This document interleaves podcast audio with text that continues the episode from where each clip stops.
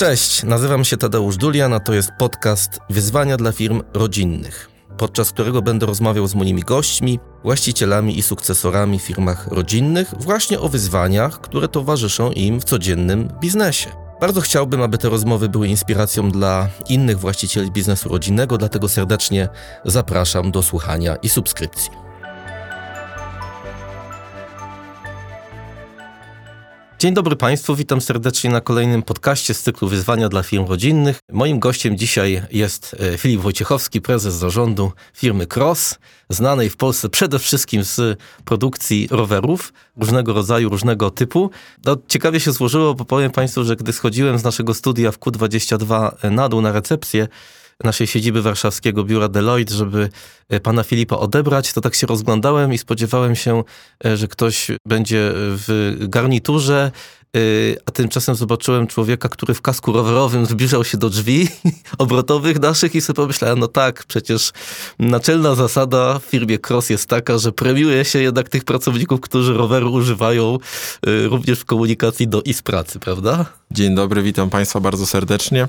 Rzeczywiście e, staramy się nie tylko rowery produkować i sprzedawać, ale przede wszystkim być e, dobrymi ambasadorami e, tego sprzętu, który wychodzi z naszych fabryk. Nie mamy, mamy jedno biuro oczywiście główne w Przasnyszu, drugie w Warszawie, natomiast nie mamy żadnych miejsc parkingowych dla samochodów. Zachęcamy do oczywiście komunikacji rowerowej, na w sytuacjach skrajnych do komunikacji miejskiej promując e, zdrowy tryb życia i e, odkorkowane miasto. No właśnie, o tych plusach ro roweru w dzisiejszym czasie sobie za chwileczkę też powiemy. E, natomiast taki wątek, który był bezpośrednią przyczyną naszego spotkania, bo my się ostatnio widzieliśmy na gali Best Managed Companies 8 czerwca naszej pierwszej edycji. O tym trochę też porozmawiamy dzisiaj, ale taki bezpośredni wątek to wtedy sobie właśnie przypomniałem nasze pierwsze spotkanie podczas forum na wzgórzach u Henryka Orfingera na Wzgórzach Delewskich, w jego wspaniałym hotelu pod Ostrudą. Serdecznie pozdrawiamy. Henryku, jeżeli słuchasz, mamy nadzieję, że tak, bo przecież jeden z pierwszych podcastów z tobą właśnie nagrywałem. I tam na forum na Wzgórzach wasze wystąpienie wspólne z Kacprem Sosnowskim było właśnie, dotyczyło właśnie tej, tej wielkiej zmiany, która wtedy akurat była taka całkiem świeża, no bo to lipiec 2021 rok, kiedy na światło dzienne wyszło to oświadczenie, ta, ten komunikat firmy, że na stanowisku prezesa zarządu założyciela Zbigniewa Sosnowskiego zastąpi zewnętrzny menedżer, czyli właśnie pan Filip Wojciechowski. E, no i e, to w firmach rodzinnych zawsze jest taki e, tak zwany milestone, taki krok milowy, że tak powiem, który trochę wyznacza to, jak się zmieni specyfika funkcjonowania firmy, rola rodziny, tak, bo ta rodzina jest operacyjnie zaangażowana, bo zarówno Kasper, jak i drugi syn pana Zbigniewa, pan Maciej, Maciej właśnie, żebym nie przekręcił imienia, są zaangażowani oczywiście w biznes, natomiast założyciel schodzi do roli bardziej nadzorczej, zmienia swoją rolę na bardziej nadzorczą, zajmuje miejsce w Radzie Nadzorczej, no a na czele zarządu, w którym na cztery osoby tylko, pięć już teraz osób, tylko jedna osoba jest z rodziny, to cztery osoby to są e, menedżerowie tak, tak zwani nierodzinni, e, z czego trzej chyba wzrastający, rozwijający się razem z organizacją, a jeden e, też w organizacji, ale nieco krócej, prawda? Mhm. I właśnie jak rozmawialiśmy, przygotowując się do tego podcastu, to mówiliśmy o tym, że no, to jest taka sytuacja, która będzie dotykała coraz więcej firm rodzinnych, gdzie założyciele mają nadzieję na tą operatywność kontynuację tej operacyjnej, zarządczej roli członków rodziny, a zatem chcieliby wychować sobie tych sukcesorów takich mocno zaangażowanych, którzy przyjęliby mm, te, te zupełnie kierownicze stanowiska, byli, byliby liderami firmy, właśnie stanowisko prezesa to jest naturalne stanowisko dla sukcesora y, y, y, syna czy córki założyciela. No ale w większości firm rodzinnych rzeczywiście dzisiaj będziemy obserwowali coraz częściej tworzenie tych hybrydowych zarządów rodzinno-nierodzinnych albo w ogóle nierodzinnych. No i to się wiąże z tym, że jak, y, jak oceniamy naszą rolę jako sukcesorzy w firmie rodzinnej, no to jednak chcemy y, mieć jakąś przyjemność z tej pracy i też dobrze, y, dobrze inwestować na czas i dobrze wykorzystywać nasze atuty, nasze kompetencje, niekoniecznie pełniąc rolę, do której nie jesteśmy jakoś tak przygotowani tak samo dobrze albo lepiej niż właśnie ktoś z zewnątrz. I, i jak, jak rozmawialiśmy przed podcastem, to to, to ja takie wypowiedziałem zdanie, że pewnie dla wielu właścicieli firm rodzinnych, którzy borykają się z tym wyzwaniem sukcesji, wasz przykład będzie takim przykładem, no, dającym pewną nadzieję. Słuchajcie, to da się zrobić. Nie bójcie się tego, żeby tego zewnętrznego menedżera wziąć, zaakceptować, y, zbudować zaufanie i powierzyć mu jednak tą wielką odpowiedzialność liderowania, przewodzenia firmie. To zacznę może od tego, wspomniał Pan o tym komunikacie, którym mm, założyciel e, i właściciel, pan Zbigniew Sosnowski powiedział, e, przesuwam e, swoją rolę z roli prezesa do roli mm, Rady Nadzorczej. To tak naprawdę był końcowy etap bardzo długiego procesu, dlatego że to się nie zaczęło decyzją o zmianach ról, a skończyło się decyzją o zmianach ról, dlatego że za zaczęło się wiele lat wcześniej, kiedy właściciel e, postanowił profesjonalizować struktury zarządcze. E, zbudował jasny podział obowiązków, zbudował odpowiedzialności, zbudował procesy w organizacji. Te wszystkie elementy latami dojrzewały i w momencie, kiedy właściciel postanowił przesiąść się do innego fotela e, w organizacji, było to, odbyło się to bez szoku dla samej firmy. Dlatego, że największym ryzykiem w takich przedsięwzięciach jest to, w jaki sposób ta zmiana e, osoby lidera e, w firmie będzie wpływała na różnego rodzaju części firmy, zarówno od strony przychodowej, operacyjnej, funkcji wsparcia, E, jeżeli ten proces jest nieprzygotowany, no to rzeczywiście ten szok dla organizacji może wystąpić, bo wtedy się okazuje, jakie były realne wpływy właściciela, prezesa na organizację. Jeżeli to jest nieprzygotowane, to ileś rzeczy, ileś procesów może zostać w sposób e, niewłaściwy przeciętych i powodować pewne, mm, pewnego rodzaju szok dla organizacji.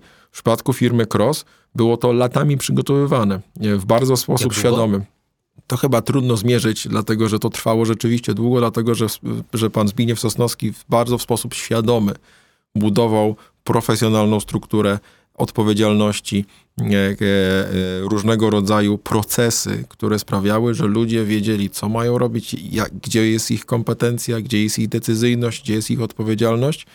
Jak mnie pyta wiele osób, no byłeś w krosie e, w zarządzie i zmieniłeś ten fotel na fotel prezesa zarządu, co się zmieniło? A ja mówię, niewiele. Dlatego, że, e, ale niewiele nie negatywnie, tylko pozytywnie, dlatego, że e, to w żaden sposób nie zakłóciło funkcjonowania firmy, nie spowodowało jakiejkolwiek rewolucji. I to jest chyba największa korzyść z tak przeprowadzonego procesu, że on latami, ten, ten, ta, ta zmiana dojrzewająca e, nie spowodowała rewolucyjnej sytuacji czy zamieszania w firmie. Ja uważam, że to jest najlepszy dowód na to, jak dobrze było to przygotowane. Dobrze, a to ja jestem teraz ciekaw, gdyby mógł nam pan troszeczkę teraz uchylić rąbka tajemnicy, znaczy skąd się to wzięło? Czyli to był proces, efektem tego procesu była zmiana ról, dobrze zapro, za, zaplanowana, uwzględniająca oddziaływanie, konsekwencje we wszystkich obszarach mm. przedsiębiorstwa, żeby nie było to szokowe. Pewnie też odpowiednio komunikowana pracownikom, tak, co, co będzie się działo, żeby nie byli właśnie zaskoczeni. Super, ale od czego to się zaczęło? Czyli gdzieś tam na początku była jakaś konstatacja, że no, że co, że firma jest na tyle duża, że ona wymaga właśnie y, po pierwsze y, takiego upodmiotowienia menedżerów, dyrektorów, po drugie może z, zbicia tego szklanego sufitu, że zarząd jest tylko dla rodziny, ale po trzecie nawet nie tylko sam zarząd, tylko ta rola lidera, czyli prezesa mhm. zarządu. Skąd, skąd ta konstatacja? Postaram się na to pytanie odpowiedzieć, chociaż pewnie lepiej, żeby je pan zadawał panu Zbigniewowi Sosnowskiemu, bo wtedy miałby pan najczystszą odpowiedź. Ja mogę dokonać pewnej, pewnego rodzaju spekulacji na ten temat. E, natomiast e, przede wszystkim firma Cross rozwija się o zespół i ten zespół e, latami był rozbudowywany. I, I, to, co jest ważnego, myślę, że w, w tym podejściu, to jest podejście, które mówi, jeżeli chcemy się rozwijać, musimy przyciągać kompetencje. Nie da się tych wszystkich kompetencji zbudować w środku, bardzo, od początku, kształcąc ludzi, którzy, e, e, nazwijmy to, mogą w bardzo elastyczny sposób zmieniać swoje role w organizacji. Czasami po prostu te zespoły trzeba rozbudowywać, przebudowywać. Tak rósł cross. E, I ten cross rozwijał się dobudowując te wszystkie części przychodowe, operacyjne, podnosząc skuteczność, efektywność, profesjonalizm swoich działań. To zajęło Crossowi 32 lata zbudowanie obecnej pozycji. I w związku z tym e, bardzo naturalne jest to, że w pewnym momencie też różnego rodzaju stanowiska kierownicze są powierzane osobom, które przede wszystkim się w czymś specjalizują, dając szansę na to, żeby wykonywać te rzeczy lepiej i uwalniając czas osób, w tym wypadku na przykład pana Zbigniewa Sosnowskiego, do e, innych wyzwań, czego nie ukrywa, że, że jego celem i ambicją też jest rozwijanie, rozwijanie innych przedsięwzięć. W związku z tym pan Zbigniew uwolnił swój czas, mhm. mógł poświęcić się e, w pełni wykorzystaniu swojego talentu przedsiębiorcy, a z kolei te kwestie zarządcze związane z rozwijaniem Krosa powierzył, latami już powierzał i przepieczętował to tą finalną zmianą w zarządzie firmy. Mhm. No pytam o to dlatego, bo no znamy też przykłady całkiem sporych firm, prywatnych czy rodzinnych, gdzie ci założyciele, nawet, nawet nie z perspektywy Rady Nadzorczej, tylko cały czas z perspektywy zarządu jednak operacyjnie funkcjonują. Teraz akurat tak przyszedł mi na myśl nowy styl, gdzie bracia, bracia Krzanowscy cały czas są w zarządzie. Nie jedyni, bo jeszcze mamy innych członków zarządu, nie rodzinnych, no ale jednak oni tam, to są, nie, nie, ma, tej, nie ma tej zmiany, tak? Czyli trochę to jest chyba funkcja tego właśnie, o czym pan mówi, że za każdym razem musimy sobie zadawać pytanie, w czym jesteśmy dobrzy, gdzie wnosimy wartość do firmy. Jeżeli już nie wnosimy tej wartości, a widzimy, że ktoś wniesie tą wartość w większym stopniu niż my, no to może powinniśmy sobie innego miejsca mm, e, e, poszukać, tak? I, pewnie to jest taki driver rozmaitych zmian, które jednych firmach każą tym założycielom jednak być w zarządzie i operacyjnie działać cały czas, chociaż mogliby spokojnie już sobie, sobie to odpuścić, a w innych firmach kazać właśnie szukać sobie nowego miejsca, gdzie nawet nie tyle te rzeczy, w których jestem dobry, ale te, które chcę robić, bo już mogę sobie na to pozwolić, że przesuwam swoje aktywności w to, co daje mi najwięcej zabawy i radości, to, to, to, to mogę to robić. Tutaj wątek y, zaufania y, się pojawił i mm, to też jest dla mnie bardzo ciekawe i dlatego też dla mnie jesteście y, wyjątkową firmą, bo tradycyjnie w wielu firmach rodzinnych pojawia się taka naturalna niechęć do tego, żeby dopuszczać tych menedżerów zewnętrznych, nierodzinnych do tych najważniejszych decyzji, takich strategicznych. Często mówi się o tym, że jak zatrudniamy kogoś z zewnątrz, no to jest to fundamentalne pytanie, a czy on mi swoim doświadczeniem wyniesionym z korporacji na przykład albo z innych firm nie zniszczy naszego DNA, to, jest największa nasza wartość, nasza bardzo cenna rzecz dla nas. No i to powoduje, że to zaufanie jest trudno zbudować, tak? Wydaje mi się, że, że wiele firm jest takich, w których ci nierodzinni zarządzający mają trudniej niż ci rodzinni, bo tym rodzinnom na starcie daje się ten, ten taki e, twory w postaci tego zaufania. To jest członek rodziny, więc możemy na niego liczyć, jego lojalność. I, i tutaj chciałem zapytać, profesjonalizacja zarządzania to jest właśnie budowanie zaufania. Y, tym, jak mamy zbudowane to zaufanie, to niechęć do dzielenia się władzą jest trochę mniejsza, obawy są mniejsze, y, nagle pojawia się umiejętność delegowania, wspólnego decydowania i to zaufanie chyba jest tutaj taką centralną wartością. Czy tak było w Pana przypadku, że ma Pan takie poczucie, że trzeba było zbudować to zaufanie? Jak Pan je zbudował? Czy jakieś inne jeszcze wartości? Pamiętam, mówiliście wtedy na Wzgórzach Dylewskich o siedmiu takich czynnikach kluczowych sukcesów w, tej profesjonalizacji biznesu. Co, co tutaj miało taki największy, y, oprócz tego zaufania, o którym mówię, y, co tutaj miało największy wpływ na to, że to właśnie na pana trafiło.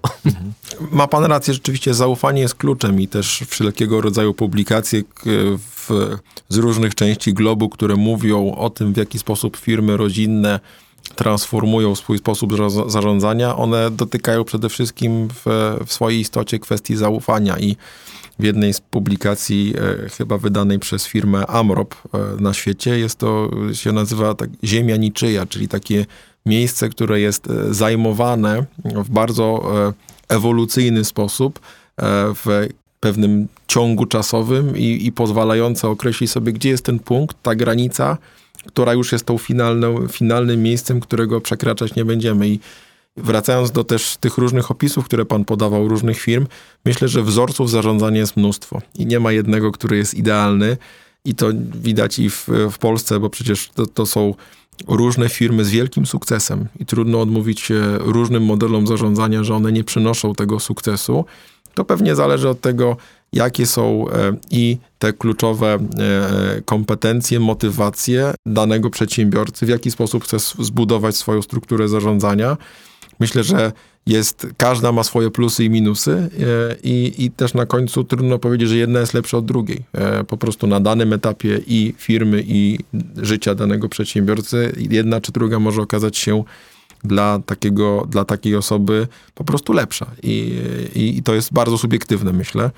W przypadku, w przypadku Crossa ja miałem okazję przez, e, przez kilka lat e, wcześniej pracować też w zarządzie, w związku z tym nie byłem osobą całkowicie anonimową z ulicy, która zajmuje taką pozycję.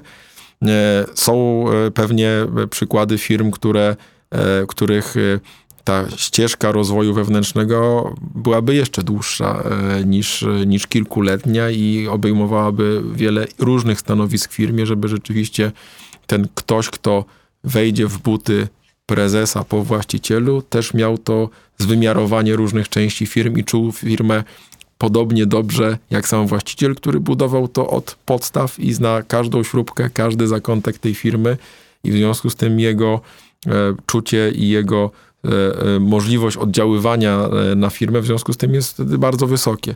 W przypadku Crossa to jest kwestia zaufania, e, ale myślę, że też oprócz zaufania bardzo ważną rolą jest też e, e, to, żebyśmy e, rozmawiali o zarządzie, który jest nakręcony na rozwój. Że to nie jest zarząd, który jest administrujący firmą, ale też ma tą ambicję w tym, żeby firmę dalej rozwijać. I akurat w przypadku Crossa ten rozwój jest bardzo mocno wpisany w nasze DNA, w związku z tym to są zawsze bardzo ambitne plany rozwojowe, które tam staramy się realizować. Proszę też zwrócić uwagę, że w przypadku naszej firmy zmiana nie polegała tylko na tym, żeby, że właściciel finalnie powiedział, e, ten zarząd będzie kierował krosem już bez mojej osoby, ale także została dodana bardzo mocna e, rada nadzorcza, dlatego że, że w tej radzie nadzorczej jest właściciel, ale oprócz właściciela cztery pozostałe osoby to są osoby z rynku. Czyli to samo, co w przypadku zarządu miało miejsce w postaci Rady Nadzorczej, gdzie bardzo e, znakomite nazwiska trafiły do Rady Nadzorczej po to, żeby jeszcze dawać to wzmocnienie z, na, na poziomie tego nadzoru nad, nad firmą. Mhm. E, więc e, to można powiedzieć dodatkowo jeszcze wzmacnia cały ten system zarządzania poprzez osoby profesjonalne z bardzo dużym e, dorobkiem i autorytetem na poziomie rady, która ocenia, e, czy inspiruje, czy pomaga zarządowi w tych kluczowych wyzwaniach. Ocenia, inspiruje, pomaga. Tak. To słowa klucze do tego, jak powinna być relacja Rady Nadzorczej i, i, i, i, zarządu, prawda? Bo ta Rada Nadzorcza, tam gdzie jest rodzina, są właściciele, najczęściej ma takie funkcje nadzorcze, tylko na pewnym etapie pojawia się taki moment, kiedy no, rodzina, założyciele, już nie, nie, firma jest na tyle duża, że wewnętrznie nie znajdujemy na tyle dużo impulsów rozwojowych i musimy ich szukać na zewnątrz. Jak ta Rada Nadzorcza y, jest dobrana właśnie z takich osobowości bardzo znanych i z dużym doświadczeniem, to uzyskujemy ten bardzo rzadki i potrzebny efekt, żeby ta Rada Nadzorcza nie tylko miała funkcje nadzorcze i kontrolne, ale przede wszystkim realizowała się w tym obszarze doradczym i inspirującym, popychającym mhm. do, do działania. Dokładnie tak. Mm, I tak jak rozmawiamy już o tym, że są te różne modele, pewnie trudno wyobrazić sobie dużą firmę, która e, i jest duża obrotami, ale też strukturą organizacyjną, której właściciel mógłby powiedzieć, że wszystko kontroluje. W związku z tym to jest pewnie pytanie, co realnie uważa za warte kontrolowania i jak ta kontrola wygląda. I ta kontrola może być, odbywać się właśnie poprzez e, czy radę nadzorczą, czy miejsce w zarządzie, czy, czy miejsce prezesa, bo zakładam, że mogą być też takie firmy, w której założyciel jest w zarządzie, ale ma rolę pasywną, a pozostali członkowie zarządu mają tą, tą rolę bardziej aktywną, więc pewnie tych modeli E, jest dużo. Na końcu to jest e, pytanie właśnie, no, gdzie jest ten punkt, w którym właściciele firmy mówią, mm, czuję się, czuję się bezpiecznie. No bo to na końcu to jest kwestia, to, to jest ta, ta, ta waluta, jaką jest zaufanie, na końcu no, zmierza do tego, żeby dawać to poczucie bezpieczeństwa. Jeżeli z punktu widzenia właściciela dana e, konfiguracja kluczowych stanowisk kierowniczych daje to poczucie bezpieczeństwa, no to myślę, że to jest to. A rzeczywiście Chodzi o uwalnianie potencjału firmy. Im więcej fajnych osób się ściągnie do firmy, tym większa szansa, że ten potencjał będzie, będzie sensownie rozwijany, wykorzystany. To strasznie ciekawe jest, co pan mówi, bo to wnioskować z tego można, że żeby ta kontrola była efektywna, to nie ma dobrej kontroli bez pewnej dozy zaufania. I im więcej jest zaufania, tym ta kontrola jest lepsza, dlatego że ja się muszę koncentrować na mniejszych obszarach, które chcę sam nadzorować i sam kontrolować. Tylko wtedy będę w stanie to robić, jeżeli będę miał członków Rady Nadzorczej i zarząd, którym ufam i już nie patrzę na te obszary, którymi oni zarządzają, gdzie oni mają tę odpowiedzialność, bo to zaufanie jest, że oni to zrobią dobrze. Ja myślę, że e, jak mówimy sobie o, o przedsiębiorcach e, w Polsce, no to najczęściej to są, to są osoby, które mają 20-30 lat stażu swojego bycia przedsiębiorcą. To są najczęściej firmy, jak dzisiaj mówimy o tych dużych firmach e, rodzinnych, to są firmy, które były zakładane pod koniec lat 80. albo na początku lat 90. Ja wierzę, że każda z tych firm wielokrotnie zmierzyła się z różnymi kryzysami zaufania, bo myślę, że przez 30 lat każda z tych firm się na coś nacięła, na jakichś ludzi zewnętrznych, zewnętrzne podmioty, więc na końcu to, co myślę, że jest trudnego, to jest to, że, że właściciele firm mają w głowie te przykre zdarzenia z przeszłości i mówią sobie, no dobra, ale jak tym razem nie wpaść w to samo, co, co historycznie pewnie każdemu się zdarzyło. No, każdy z przedsiębiorców zaufał przez 30 lat gronu, szerokiemu gronu osób, któraś tam czarna owca się trafiła. Zaufał iluś tam podmiotom zewnętrznym współpracującym. Zawsze się jakiś e, e, lewy e, trafił, który, który ten obraz może zabarwiać taką ciemniejszą, ciemniejszym kolorem. No i pewnie największą sztuką to jest to, że pomimo, że w historii były takie przypadki, kiedy, kiedy ktoś zawiódł to zaufanie, nadal wierzyć, że ta szklanka jest do połowy pełna, że, że kolejne osoby, które trafią, po jakimś tam oczywiście okresie testowania, daje im się tą odpowiedzialność, daje im się tą swobodę i mówi się, no dobra, no czasami rzeczywiście e, e, były przykre zdarzenia, ale to nie może definiować mojego spojrzenia na przyszłość. I myślę, że to jest szalenie ważne. E, wspomniał Pan o tym spotkaniu na Wzgórzach Dylewskich. Ja razem z Kasprem mieliśmy okazję też później rozmawiać w kuluarach z mm, poszczególnymi e, właścicielami firm, którzy się tam pytali o różne szczegóły. Myślę, że właśnie to, co przebijało, to jest kwestia tego zaufania, czyli w jaki sposób to zaufanie budować. Z jednej strony pewnie to wymaga czasu, ale z drugiej strony wymaga to e, no jednak zaryzykowania i to nie ma co ukrywać. To ryzyko zawsze jest wpisane w oddawanie komuś e, pewnej odpowiedzialności i w wymiarze zawodowym, ale pewnie także rodzinnym. Trudno wyobrazić sobie, żeby kontrolować wszystko i wszędzie. No, gdzieś bo można popaść w niezłą paranoję i gdzieś trzeba ten poziom e, tego swojego zaufania budować. Jeżeli ktoś ma to poczucie zaufania bardziej wystawione na, na szwank, to pewnie będzie chciał więcej rzeczy kontrolować. Ktoś, kto bardziej ufa ludziom, może gdzieś dalej tą granicę postawi. Mm, to myślę, że to jest o tym. Podczas jednego z projektów y, moich takich sukcesyjnych, pracy nad konstytucją rodzinną, prowadziłem wywiady z młodzieżą, z y, sukcesorami w pewnej firmie i tam właśnie pytałem o zaufanie. Do jakiego stopnia macie między sobą zaufanie? To była duża rodzina, w trzecim pokoleniu dużo, wielu kuzynów. No i niektórzy się znali lepiej, niektórzy gorzej, niektórzy się znali tylko towarzysko, niektórzy są pracowali. Więc zadałem to pytanie o, o, o, zaufanie wzajemne i padła taka odpowiedź, no tak do końca to nie wiem, bo jak z tym człowiekiem nie pracowałem i nic się nie zdarzyło, to nie mamy tej bazy, na, na podstawie której możemy powiedzieć, czy mamy zaufanie, czy nie mamy zaufania, bo za mało interakcji tak. było, tak? I w tym momencie, w tym miejscu właśnie wchodzi to, o czym pan mówi, że trzeba zaryzykować albo się oprzeć na własnej intuicji i tym mhm. poczuciu, że znamy się na ludziach, tak? Więc no. możemy ocenić, czy komuś możemy ufać, czy nie. No, ja miałem okazję też e, w przeszłości kiedyś o to samo zapytać jednego z przedsiębiorców, y, bo y, to też bardzo długoletnia historia firmy. Dlaczego tak y, dzieli się tą właśnie odpowiedzialnością, pomimo że ta firma w przeszłości miała też różne przykre zdarzenia wynikające właśnie z tego, że ktoś tam próbował naciąć. Nie mówię o Krosie, mówię o, o zupełnie innej firmie i, i, i ten przedsiębiorca mi powiedział, że on sobie nie wyobraża prowadzenia biznesu bez dawania tego zaufania, no bo nigdy by firmy nie rozwinął, gdyby na bazie tych kilku przykrych zdarzeń po prostu się zamknął na, na, na ten taki bardzo wąski, hermetyczny świat. I to, to, I to tyle, myślę, że w tym, w tym temacie. Znaczy, to jest tak, że oddawanie, przekazywanie tej odpowiedzialności w ręce zewnętrznych menadżerów to jest właśnie o tym, na ile chce się spróbować, na ile chce się zaryzykować, oczywiście w sposób ograniczony, czyli budując jakieś systemy nadzorcze, raport, ra, raportowania. Niemniej to jest kwestia tego, żeby próbować i wierzyć w ludzi i to, i to na końcu jest o tym.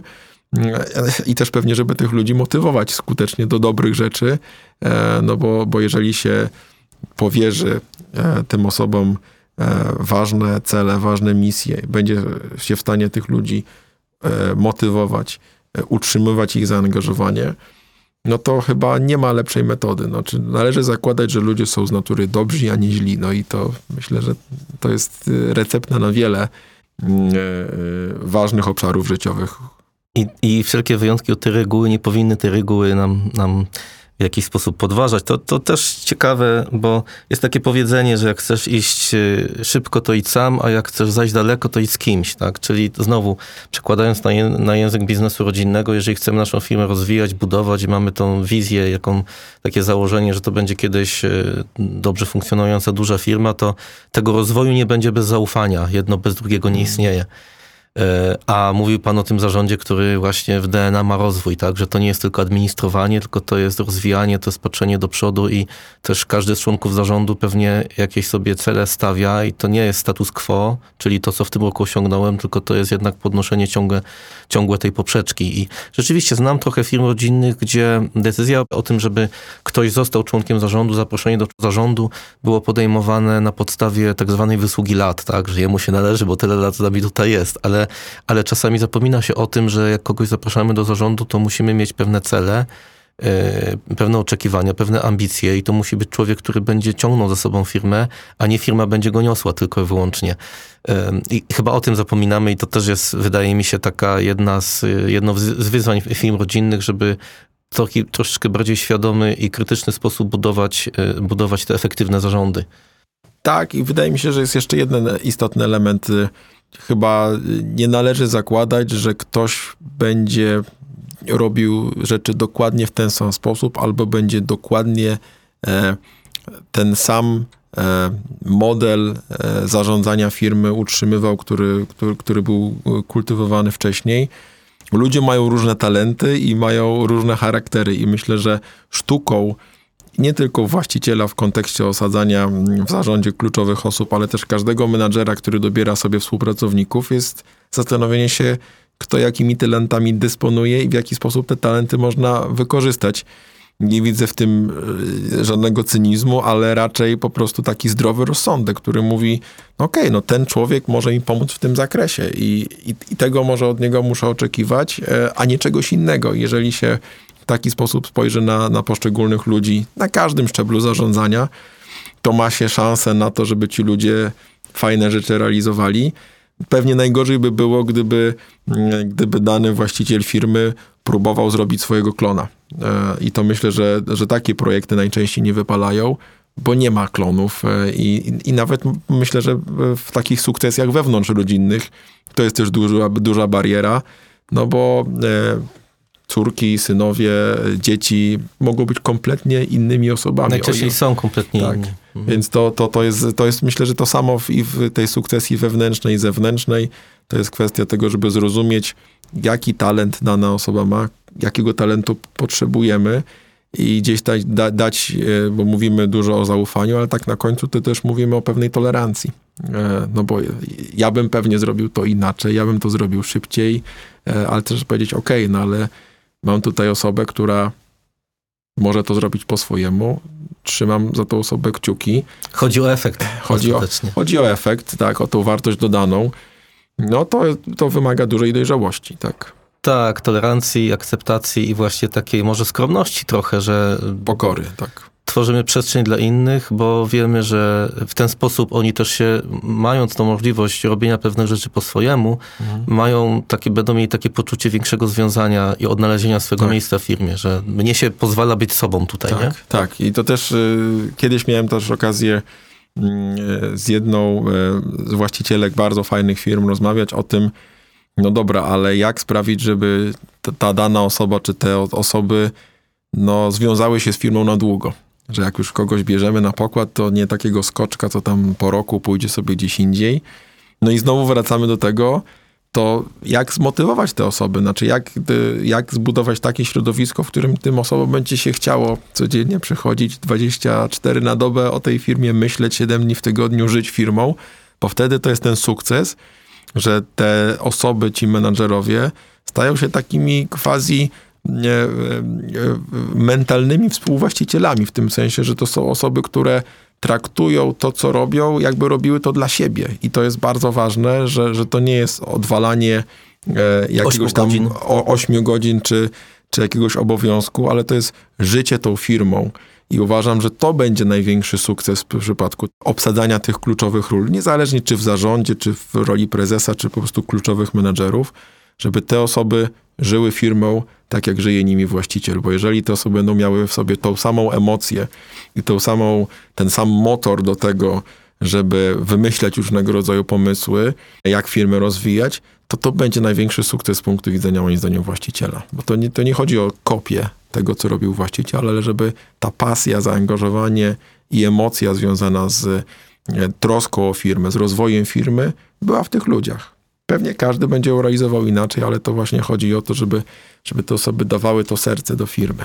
To serce to też jest gwarancja tego, że tę część kontroli można zastąpić zaufaniem, tak? No bo jeżeli ktoś się angażuje rzeczywiście emocjonalnie w pracę, w zarządzanie firmą, to ten właściciel wtedy może powiedzieć, o, to jest mój człowiek, ja nie muszę na niego patrzeć 24 godziny na dobę, bo wiem, że to, co robi, będzie robił dobrze. No, będzie, to dla będzie, siebie. będzie starał się przede wszystkim to robić, czyli włoży maksymalnie dużo e, energii, serca, pomysłów w to, żeby firmę rozwijać, a myślę, że to jest szczególnie istotne w tak trudnych czasach, które są w tej dekadzie, tej lat 20. XXI wieku, no bo to jest strasznie trudny okres. Najpierw COVID, później teraz jakiś e, kryzys, w międzyczasie wojna w Ukrainie.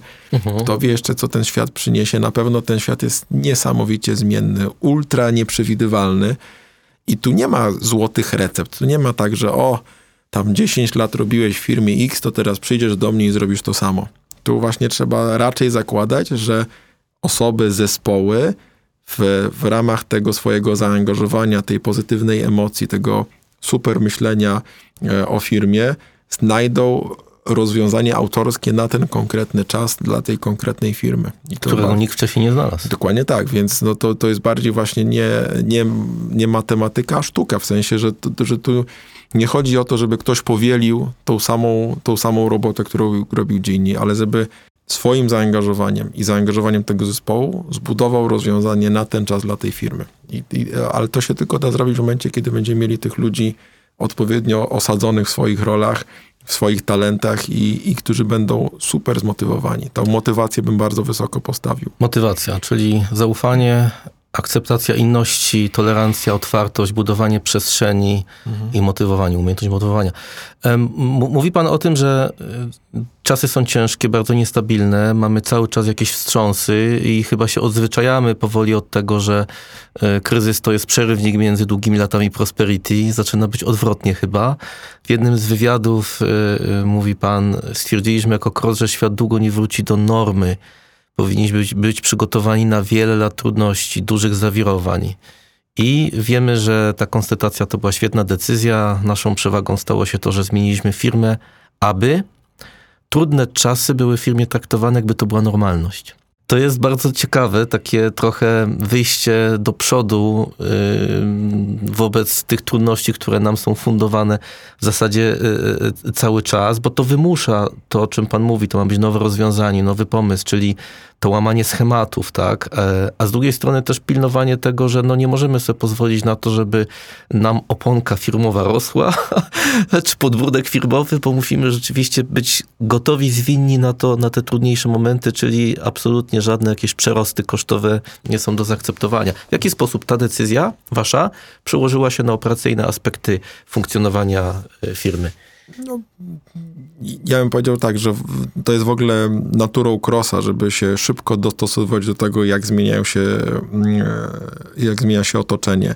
My to robimy od 32 lat od strony produktowej, czyli jakby popatrzeć na to, co było mm, naszym produktem 20-30 lat temu, to jest, co jest dzisiaj, jest właśnie efektem tego, jak zmienił się rynek, gusta klientów i myśmy bardzo szybko zawsze do tego się dostosowywali Dzięki temu ta pozycja lidera rynku była cały czas możliwa do, do utrzymania, do, do gdzieś tam rozwijania.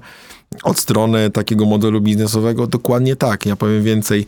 Uważam, że dzisiaj jest kolejny zwrot, który gdzieś jest przed wieloma firmami, jak nie większością firm, dlatego że wchodzimy w czasy, w którym których kapitał staje się bardzo drogi i bardzo trudno dostępny. On staje się drogi, dlatego że inflacja, a co za tym idzie stopy procentowe, wystrzeliły i pewnie przez lata będą nam towarzyszyły. Na skutek tego też kapitał stał się trudniej dostępny, no bo gdzieś ten sentyment rynku jest w innych miejscach dużo łatwiej jest zarobić i bezpieczniej, nie wiem, na funduszy, na obligacjach Skarbu Państwa, które też teraz muszą mieć e, wysoki kupon, żeby w ogóle ktoś chciał je gdzieś tam podnieść, więc y, to wszystko sprawia, że modele biznesowe dotychczasowe może trzeba zastąpić, bo to nie jest kilka miesięcy e, ciężkiego, ciężkiej sytuacji, a później życie wróci do normy, ale może się okazać, że ten e, zupełnie zmieniony świat od strony finansów firmy będzie nam towarzyszył wiele, wiele lat. A co to oznacza? No, kolejny zakręt. Mhm. Wyobrażam sobie firmy, które na przykład miały ultra niską rentowność, bo część modeli biznesowych mówiły wielka skala na niskiej marży. No to wystarczy teraz, że koszt pieniądza z prawie zera podniósł się do 10-13% i te modele już są całkowicie pod wodą. Uh-huh. Że jeżeli ktoś był mocno zelewarowanym biznesem, a dzisiaj świat finansów mówi, nie jesteśmy tak skłonni dużo dawać tych pieniędzy, to może się okazać, że nie starczy paliwa do tego, żeby firmę rozwijać albo na tym poziomie utrzymać. Według mnie znowu nadchodzi taki czas, kiedy trzeba zastanowić się, jak ten model biznesowy spiąć, bo to nie jest chwilowe. E, I, i, no i wtedy sięgnijmy po, to, po te własne właśnie pomysły, zasoby wewnętrzne, które potrafią ten model zbudować. E, nikt nie napisał książki, jak zbudować firmę po covid i myślę, że niewiele jest takich książek, które dzisiaj by nam podpowiedziały, jak w tym współczesnym świecie mm, takiej, e, takiego szybkiego zmienienia się, jak, jak to ma miejsce teraz, też firmy odnaleźć, że to jest coś, co musi być bardzo autorskie, tym bardziej należy liczyć na mądrość swoich zespołów, a nie tylko na własną. Tak jest. No, a propos tej zmienności, takiej nieprzewidywalności, znowu jeden z cytatów, y, które sobie wynotowałem a propos, zdaje się, że roku ostatecznie zrealizowaliśmy dużo większą sprzedaż niż w poprzednim sezonie. Nasze przychody zwiększyły się o 1 trzecią w stosunku do 2021 roku, czyli mówimy o tym roku.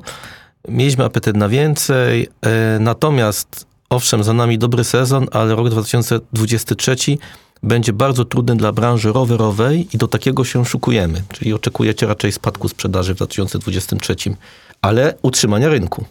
E, miałem okazję dzisiaj gdzieś tam, w, wydaje mi się, że to był puls biznesu, przeczytać informacje o 4F, gdzie pan Igor Klaja, e, założyciel 4F-a, zakłada, że nawet kryzys może potrwać 3 lata. I no, cały artykuł dotyczył tego, w jaki sposób 4F się przygotowuje do tego, żeby no, zmienić swoje, swój sposób działania, żeby te kilka lat, a nie tam kilka miesięcy mm, w dobrej kondycji, może nawet nie tyle co przeżyć, ale żeby gdzieś tam firmę poprowadzić. Więc y, to, co my jako Cross gdzieś tam mówiliśmy, komunikowaliśmy e, na rynku, nie jest odosobnione, patrząc choćby na to, co powiedział pan, pan Igor odnośnie 4FA czy innych branż, które obserwujemy. Rzeczywiście należy więc zakładać, że ten, ten kryzys w wielu e, dziedzinach gospodarki istotnie e, nabroi, istotnie pozmienia układy sił e, i w związku z tym należy się na to przygotować. Naszą ambicją jest to, żeby nawet na mniejszym rynku znaczyć procentowo tyle samo albo więcej. My nie jesteśmy w stanie odpowiadać, jak duży jest rynek, natomiast możemy odpowiadać, jak duzi my jesteśmy na tym rynku. I to jest nasza ambicja, to znaczy powiedzieć sobie, ok, rozumiemy, że otoczenie e, gospodarcze, makroekonomiczne czy społeczne powoduje, że akurat dla nas rynek rowerowy będzie o ileś tam procent mniejszy niż, e, niż to sobie zakładaliśmy jakiś czas temu, niż to było w naszych strategicznych planach Niemniej e, e, naszą ambicją powinno być to, żeby na tym rynku pozycja Crossa była przynajmniej tak dobra jak do tej pory. I, I, to jest ta odpowiedzialność nasza, którą gdzieś tam e, też w, w uzgodnieniach z właścicielem budujemy, mówiąc, my chcemy być po prostu liderem na złe i na dobre czasy. A to liderowanie pewnie oznacza inne rzeczy w takich czasach super rozwojowych, a inne w sytuacjach kryzysu gospodarczego. Niemniej gramy o to, żeby mieć najlepszą możliwą pozycję rynkową. To jest to, to nasze clue. Mówiliśmy na początku o rowerze jako takim środku transportu, który mocno um, promujecie, nie tylko sprzedajecie, ale wierzycie w rower, tak? tak? Bo jest eko, jest zdrowy. E, więc te megatrendy właśnie takiego zdrowego stylu życia, świadomości klimatycznej, ekologicznej, one was wspierają. Jednocześnie mówi pan o tym, że ten przyszły rok będzie trudny, no bo ten kryzys globalny, tak? Czyli czynniki, na które nie do końca pewnie mamy, mamy, mamy wpływ. Więc moje, moje, pytanie chyba dotyczy tego, gdzie jest ta niepewność, źródła tej niepewności. Czy to są te źródła, na które nie mamy wpływu, bo one gdzieś tam y, mieszczą się w sferze pewnych ryzyk globalnych, y, które po prostu się dzieją, co jakiś czas się będą działy, bo taka jest natura y, gospodarki rynkowej. Czy to jest branża, co do której musimy właśnie zakładać, że będą te ups and downs, że raz będzie lepiej, raz gorzej? Czy to jest produkt, który pewną atrakcyjnością i zmiennością i badaniem tego, które z tych naszych rozwiązań, produktów, rowerów są Rising Stars, a które już spadają i jakby nie, nie inwestowanie, stawianie na właściwe konie na tej szachownicy. E, no bo też pytam o to dlatego, bo e, na ile możemy, jesteśmy w stanie tą niepewność sobie ograniczać. Na pewne rzeczy nie mamy wpływu, ale na co mamy wpływ? Bo to pytanie też e, w kontekście informacji tych, które czytałem o was, że dużo inwestujecie w, w algorytmy big data, czyli tam wynęliście mieć taki zespół złożony z matematyków, który, którzy na podstawie wielu tysięcy rozmaitych zmiennych pomagali wam pewne rzeczy, właśnie mhm. pewne trendy rozważać. I czy to w ogóle to w ogóle ma sens, nie? Myślę, że ma duży sens, e, dlatego że mm, e, dzisiaj w sytuacji e, no właśnie tych choćby różnego rodzaju znaków zapytania co do strony popytowej, co do strony nazwijmy to warunków ekonomicznych i społecznych, w których dana firma funkcjonuje.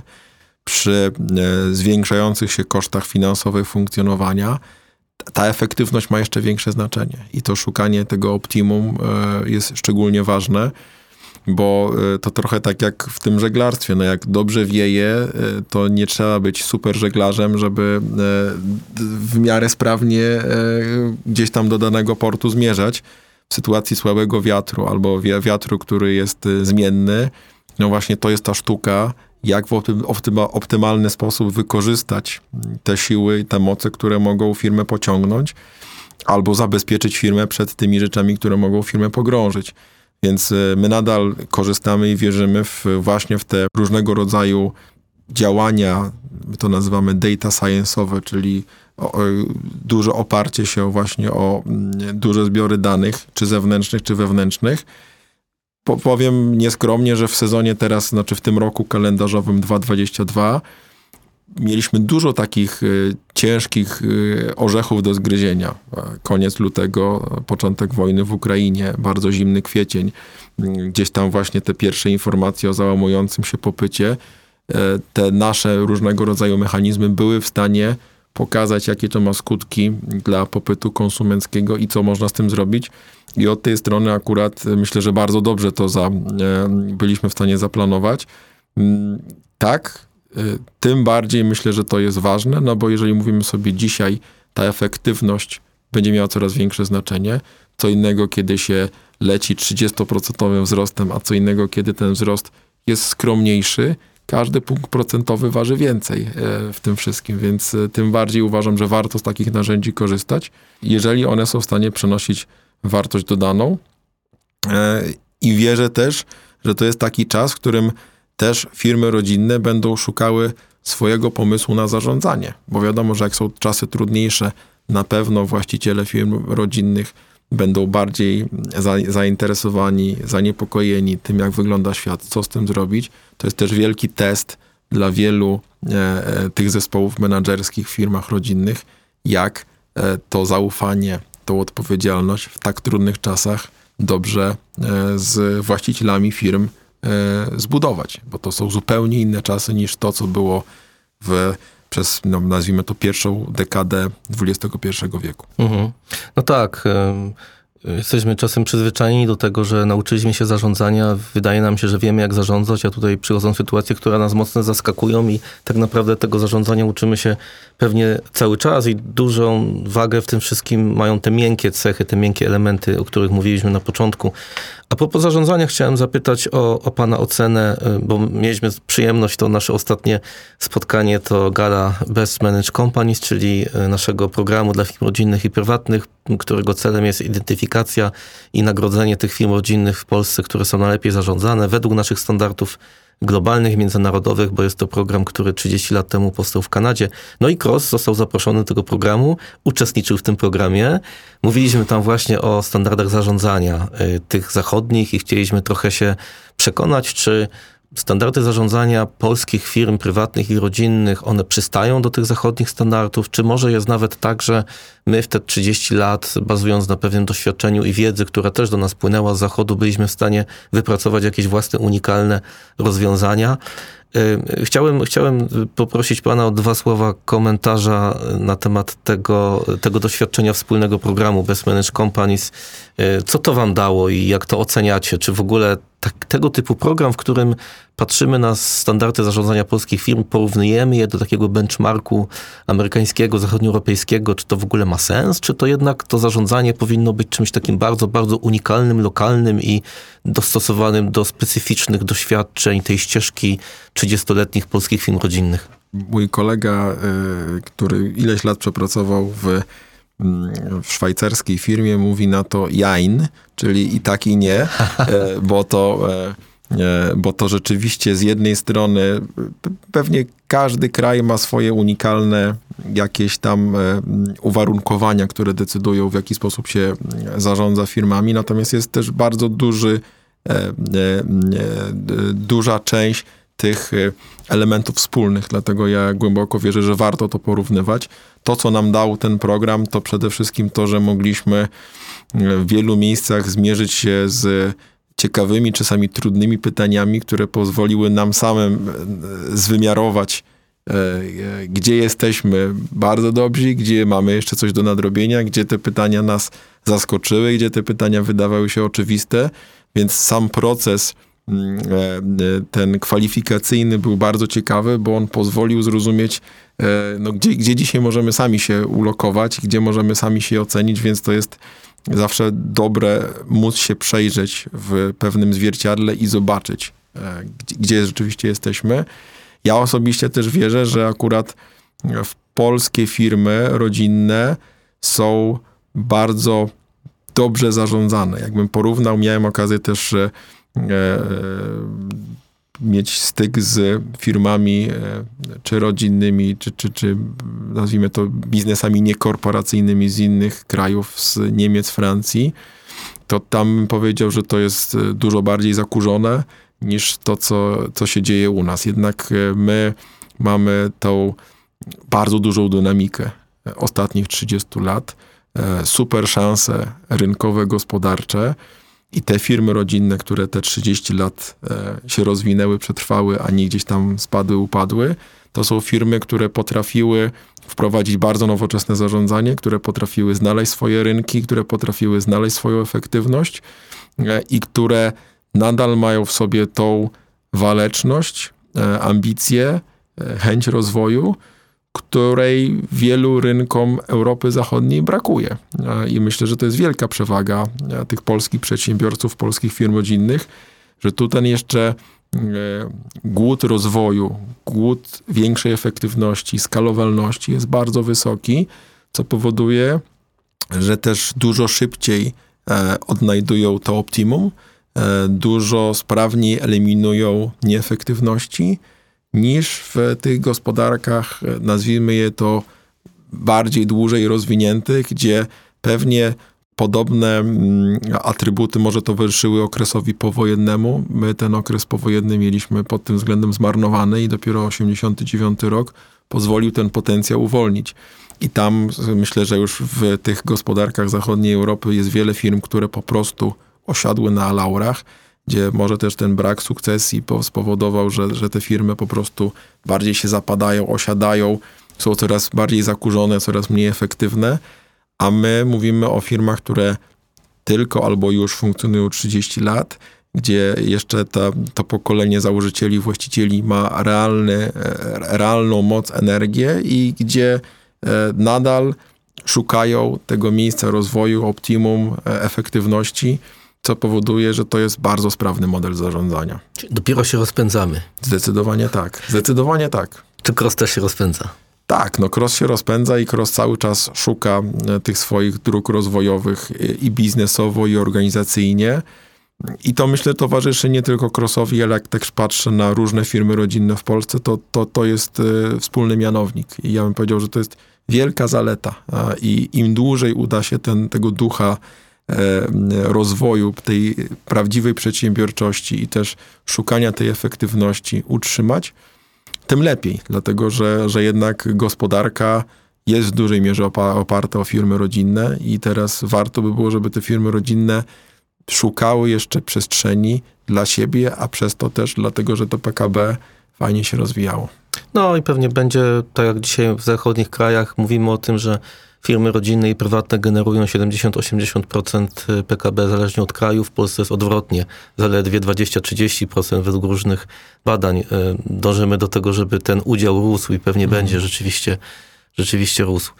Chciałem zapytać jeszcze odnośnie tego, że ta rola, którą pan przyjął, to było przyjęcie pewne ryzyko znowu, czyli ta głód rozwoju, głód, chęć, chęć, chęć e, takiego budowania siebie, otwartość na pewne wyzwania i też ryzyko chyba jakieś takie, które jesteśmy w stanie akceptować, nie boimy się tego.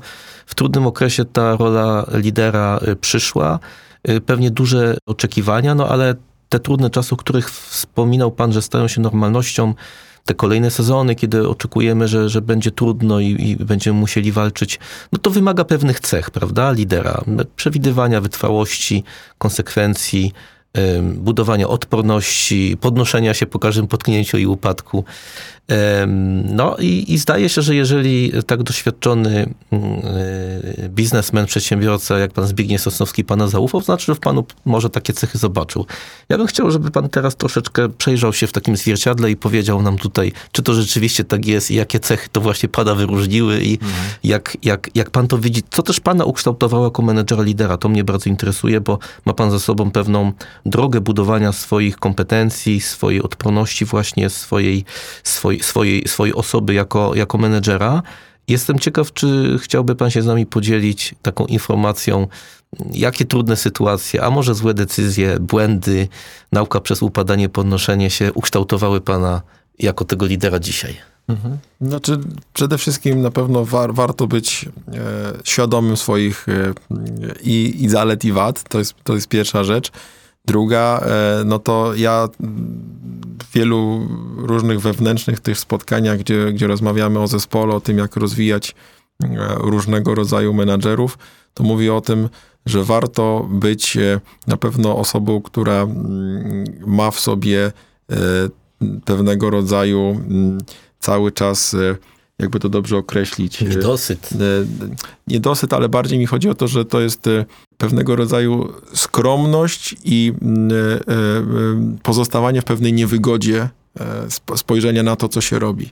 Bo jeżeli ja będę w stanie oceniać swoje działania, gdzieś tam patrząc na siebie z boku i widząc też i dobre rzeczy, ale te, też złe rzeczy, to będę w stanie mm, lepiej działać w przyszłości. Więc pewien dyskomfort, w którym się działa, w którym, w którym się pozostaje, pozwala na to, żeby nie odlecieć w kosmos, albo też z drugiej strony, żeby nie osiąść na laurach. Więc ten dyskomfort jest dla mnie szalenie ważnym e, narzędziem do tego, żeby utrzymywać pewnego rodzaju zdolność, e, e, ambicje, proaktywność do dalszego rozwoju siebie i, i też oczywiście wraz z zespołem całej firmy.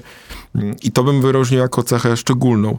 Ten dyskomfort, pewnego rodzaju pokora, bo Miałem też okazję obserwować w swoim życiu takie osoby, które za bardzo odleciały w tym sensie, że, że nie widziały tego, co po drodze złego się dzieje e, i, i po prostu no, już pogubiły kontakt ze światem, ale też takie osoby, które po pewnych awansach osiadły na laurach, bo to też jest e, fajne, że no właśnie po co komuś awans?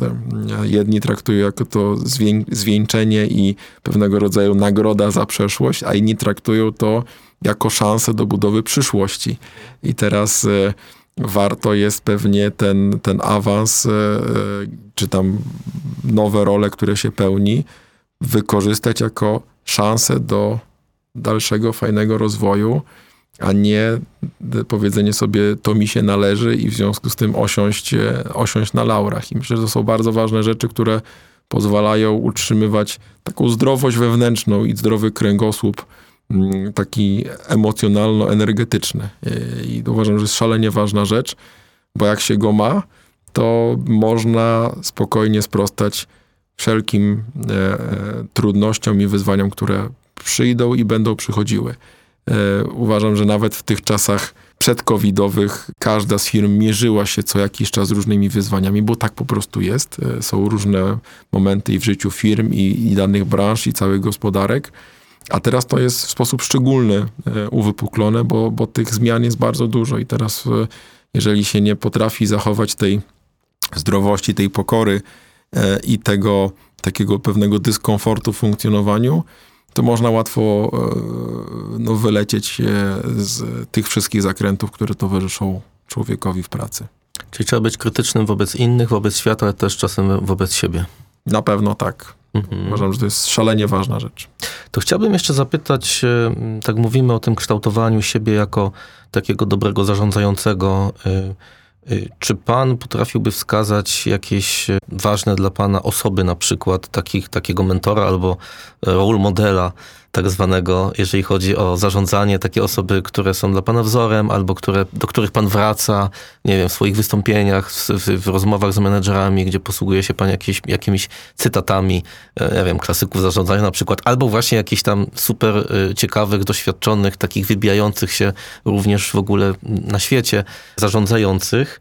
No i jeżeli tak, to co panu w tym codziennym zarządzaniu najbardziej towarzyszy? Jakie, jakie elementy, jakimi elementami się pan najczęściej kieruje? Jakby pan mhm. siebie opisał jako mhm. zarządzającego? Ja słabo wierzę w to, żeby mieć jedną taką osobę, którą się od A do Z uwielbia i uważam, że raczej warto czerpać z różnych. E, bardzo lubię prosty, ale uważam super skuteczny model e, siedmiu nawyków skutecznego działania Stephena Coveya. Uważam, że to jest genialna rzecz. Ona jest bardzo prosta, ale przez tą prostotę e, też bardzo uniwersalna, więc 7 nawyków skutecznego działania Stephena Coveya szczególnie polecam.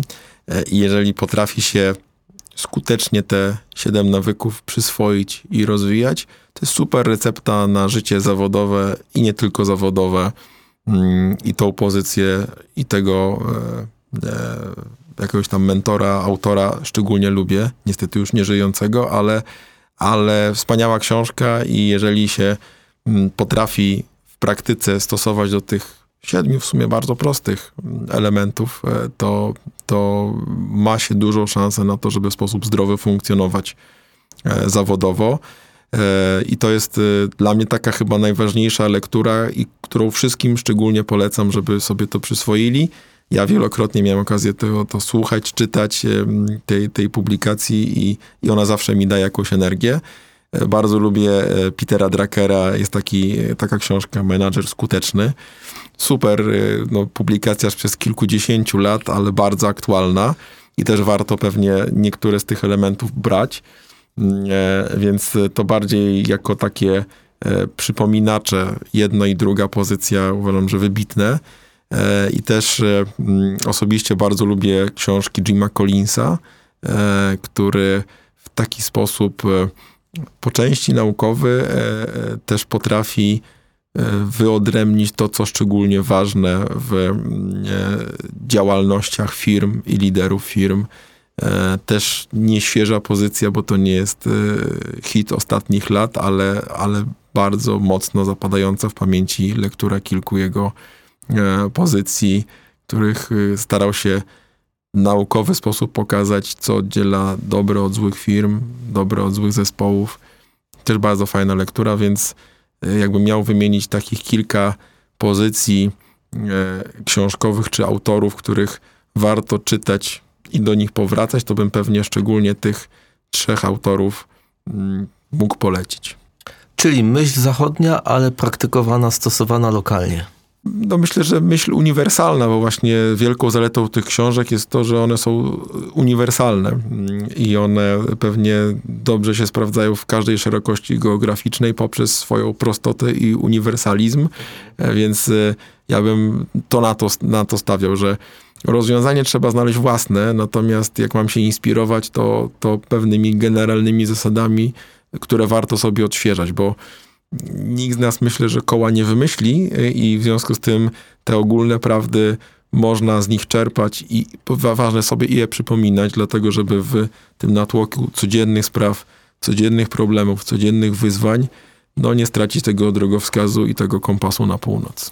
No tak, ale to wymaga od nas tego, żeby być otwartym na te impulsy z zewnątrz. Tak mówiliśmy o tej Radzie Nadzorczej, że mamy tych profesjonalistów, którzy pewne rzeczy nam podpowiadają, bo my jesteśmy jednak ograniczeni w swoim doświadczeniu, nas buduje nasze doświadczenie i czasami pewnych rzeczy nie widzimy. Tak samo, żeby y, móc sięgnąć do tych uniwersalnej wiedzy, to trzeba być na nią otwartym, a nie, nie, każdy, nie każdy biznesmen, nie każdy właściciel taką otwartością się cechuje. E, ja właśnie może nawiązując do Stevena Coveya, on bardzo fajnie mówi o tym, że na początku ludzie z natury rzeczy są zależni od innych. No, zaczynając nawet od czasów dziecięcych poprzez swoją dorosłość, no to człowiek na początku jest mocno zależny od innych i większość z nas stara się dojść do etapu e, niezależności.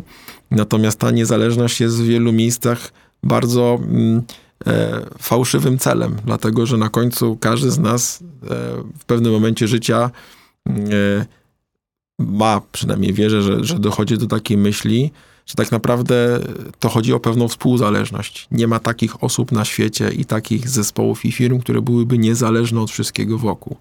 Można oczywiście zamiast pracować u kogoś, mieć własną firmę i przez chwilę czuć się niezależnym, ale za chwilę poczujemy się współzależni od środowiska, w którym działamy, od swoich klientów, od swoich współpracowników, od pracowników, których się zatrudnia. Więc na końcu super ważne jest to, żeby zrozumieć, że to, co daje wartość, to jest ta współzależność. To odnalezienie się wśród innych i to, żeby czerpać w, i działać w tej współzależności, gdzie trzeba i dawać, i brać. E, I to jest, e, myślę, że bardzo dobra recepta na, na funkcjonowanie, ta współzależność. I to w wymiarze przedsiębiorców, założycieli, właścicieli firm rodzinnych, to jest szczególnie ważne.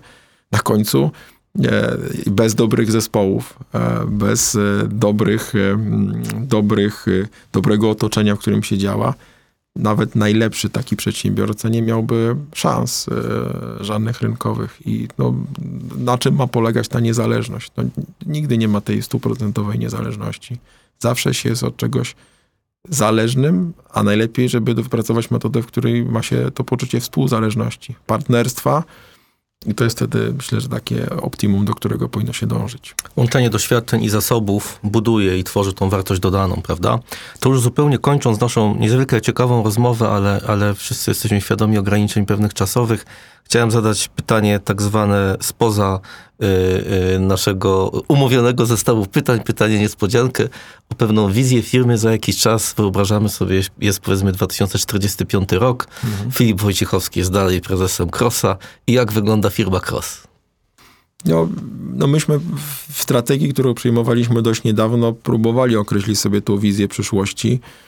I dla nas ta wizja przyszłości to jest być tym podmiotem, który będzie łączył ludzi ze światem e, rowerów, rekreacji, e, komunikacji rowerowej. Co to będzie, my nie wiemy. Czy to będzie świat sklepów stacjonarnych, czy metaversu, czy czegokolwiek innego. Czy to będzie świat kupowanych rowerów, wynajmowanych rowerów, a może innych pojazdów, tego też nie wiemy, bo wchodzą cargo bajki, wchodzą różnego rodzaju nowe formy E, e, przemieszczania się w oparciu jeszcze cały czas o siłę własnych mięśni. Ja mogę powiedzieć, że naszą ambicją jest to, żeby być zawsze przy tych użytkownikach, też konsumentach, niezależnie czego będą w danym momencie po, po, potrzebowali. Czy to jest wypełnianie całego ich spektrum zapotrzebowań, czy częściowego. Ważne, żeby być cały czas blisko tych konsumentów i, i, i jeżeli my będziemy w stanie być blisko tych konsumentów, i potrafić em, odpowiedzieć na ich potrzebę, no to taki będzie właśnie cross i to o to nam chodzi. Czyli chodzi wam o zaufanie tych konsumentów. Chodzi nam o spełnianie ich oczekiwań e, e, i wypełnianie tych potrzeb, które będą mieli. I tak jak mówię, ta potrzeba to może być równie dobrze, nie wiem, dawanie rowerów 1 marca i odbieranie tych rowerów 31 września. Ta potrzeba to może być e, w ogóle nie sprzedawanie tych rowerów, a i użyczanie. Ta potrzeba to może być budowanie całego świata e, dookoła samej jazdy na rowerze. To mogą być różne rzeczy, ale ważne, żeby powiedzieć tak, cross powinien się tak zmieniać i rozwijać, jak potrzeby konsumentów. Jeżeli będziemy właściwie w stanie je czytać e, i będziemy w stanie je realizować, no to będzie nasz sukces. Serdecznie wam tego życzę. Spotkamy się przy Dziękuję. tych mikrofonach w 2045 roku i zobaczymy, gdzie wtedy jest cross i jak blisko albo jak daleko od tej wizji jesteśmy. Bardzo dziękuję i do zobaczenia. Dzięki serdeczne.